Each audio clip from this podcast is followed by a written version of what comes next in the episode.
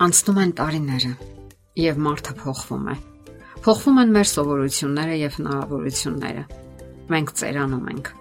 Դա կյանքի բնականon գործընթացն է։ Երբեմն տարիքն իհարկե պայմանական է։ Չկա այնպիսի կենսաբանական տարիք, երբ մարդուն կարելի լինի անվանել ծեր։ Կան ծեր մարդիկ, որոնց կենսաբանական տարիքը 55 է, իսկ ահա շատերն էլ երիտասարդ են մնում 75 տարեկանում։ Խոսելով տարեց մարդկանց մասին, ասենք, որ ժամանակի ընթացքում փոխվում են նրանց նաև սննդակարգի եղանակներն ու հնարավորությունները։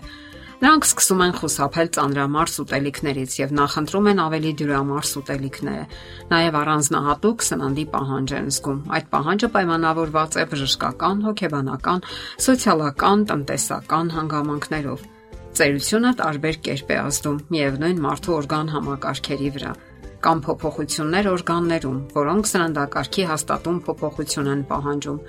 Իսկ ահա այլ օրգանների այդ փոփոխությունները չեն խանգարում, որ նրանք շարունակեն աշխատել կայուն եւ հաստատուն, եթե միայն որևէ հիվանդություն չի ախտահարում դրանք։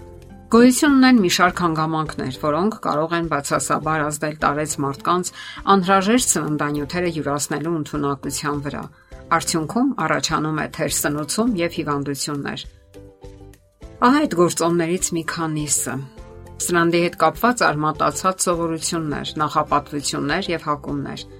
Տարեց մարդիկ երբեմն սխալ կեղծ պատկերացում ունեն այն մասին, թե ինչն է իրենց օգտակար եւ ինչը վնասակար։ Թեև դժվար է փոխել տարիներով արմատացած սովորությունները, սակայն որոշ տարեց մարդիկ այնուամենայնիվ պատրաստ են իմանալ, թե ինչն է լավ եւ ինչը վատ իրենց առողջության համար։ Նրանք ցանկանում են փոխվել, հարմարվել եւ բարելավել իրենց առողջական հիմնախնդիրները ել ինչը կարող է բացասաբար ազդել տարեց մարդկանց օրգանիզմի եւ առողջության վրա դեպրեսիա եւ միայնություն։ Սրանք երբեմն թուլացնում են մարդու ապրելու ցանկությունը։ Այս գործոնը մեծապես փչացնում է նաեւ տարեց մարդկանց ախորժակը։ Սակայն նրանք կարող են հաճախել խոհանոցային դասերի, առողջապահական ակումբների, որտեղ կարող են սովորել պատրաստել առողջ կերակրատեսակներ, բարելավելով թե սննդային եւ թե շփման կարիքները հոտառության, համի, տեսողական օրգանների աշխատանքի թուլացում, ախորժակի վատթարացում Սրանք եւս բացասական գործոններ են։ Համեմունքներով լի համեղ պատրաստված ճաշատեսակները կարող են փոխհատուցել վերոհիշյալ գործոններին։ Եթե բժշկական ցուցումներով տարեց մարդկանց չի թույլատրվում վառ արտահայտված համային որակներով սնունդ, այսինքն աղ, քացախ, որոշակի համեմունքներ, ապա դա կարելի է փոխհատուցել գրավիչ տեսքով, ասենք կանաչեղեն, բնական, անվտանգ քաղցրեղեն եւ այլն։ Տարեց մարդկանց մոտ թուլանում է ծամելու եւ կուլ տալու ընտունակությունը։ Հարկավոր է ուրեմն մանր կտրատել սնունդը, տրորել, մանրացնել կամ պարզապես վերածել շիլայի, ելնելով անհատական հնարավորություններից եւ օրգանիզմի տարբեր առանձնահատկություններից արթրիթի եւ այլ պատճառներով վատթարանում է ծեր մարդկանց շարժունակությունը կամ էլ լիովին անհետանում է։ Շարժունակության նվազումը կարող է առաջացնել փորկապություն կամ ճարպակալում, ինչպես նաեւ այդ մարդիկ չեն կարող ինքնուրույն գնել իրենց սննդամթերքը։ Իսկ սա բնականաբար շատ վատ է տարեց մարդկանց համար։ Նրանք ունեն նաև դժվարություններ կապված սննդամթերքի անբավարարության հետ։ Պատճառը կարող է լինել մեքենայի բացակայությունը, գումարային խնդիրները, հիվանդությունը եւ այլն։ Ոմանք տարիքի հետ կորցնում են աշխատունակությունը, իսկ թոշակը բնականաբար չի բավականացնում։ Հաճախ տարեց մարդիկ ճարպակալում են,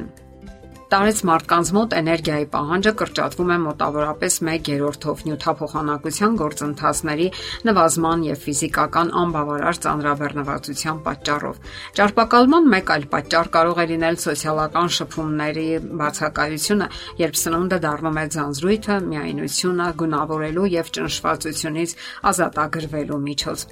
այսինքն կյանքը փոքրինչ քաղցրացնելու միջոց։ Խորհուրդ է տրվում ավելի շատ օգտագործել բուսական սննդամթերք մրգեր, բանջարեղեն, ավելի շատ շարժվել, խուսափել կալորիական սննդից։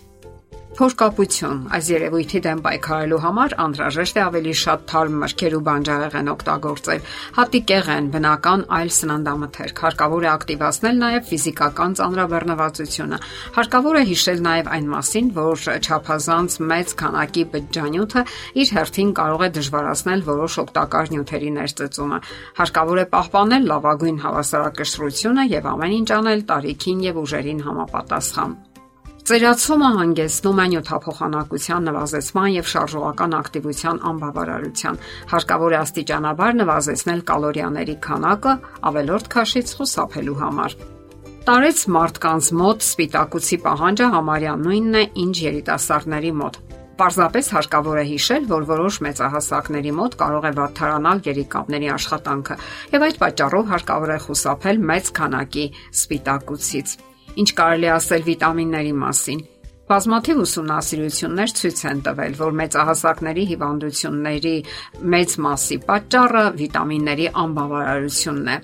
Դա վերաբերում է հատկապես C, E վիտամիններին, ինչպես նաև սելենին։ Իսկ ինչ կարելի ասել կալցիումի եւ վիտամին D-ի մասին։ Կալցիումը խիստ անհրաժեշտ նյութ է եւ հաճախ է բացակայում մեծահասակների սննդակարգում։ Դա կապված է նաեւ աղիների ներծծման ընդունակության թուլացման հետ։ Կորուստը դիտվում է նաեւ հոգեկան ցնցումների, քիչ շարժվելու, ուժեղ ազդող դեղորայքի ընդունման դեպքում։ Իսկ D վիտամինը նվազում է արևի տակ քիչ գտնվելու ժամանակ, ինչպես նաեւ երբ մաշկը դադարում է արտադրել այդ վիտամինը։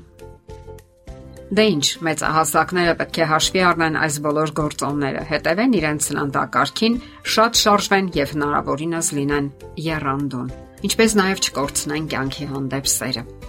Եթերում է առողջ ապրելակերպ հաղորդաշարը։ Հարցերի եւ առաջարկությունների համար զանգահարել 033 87 87 87 հեռախոսահամարով։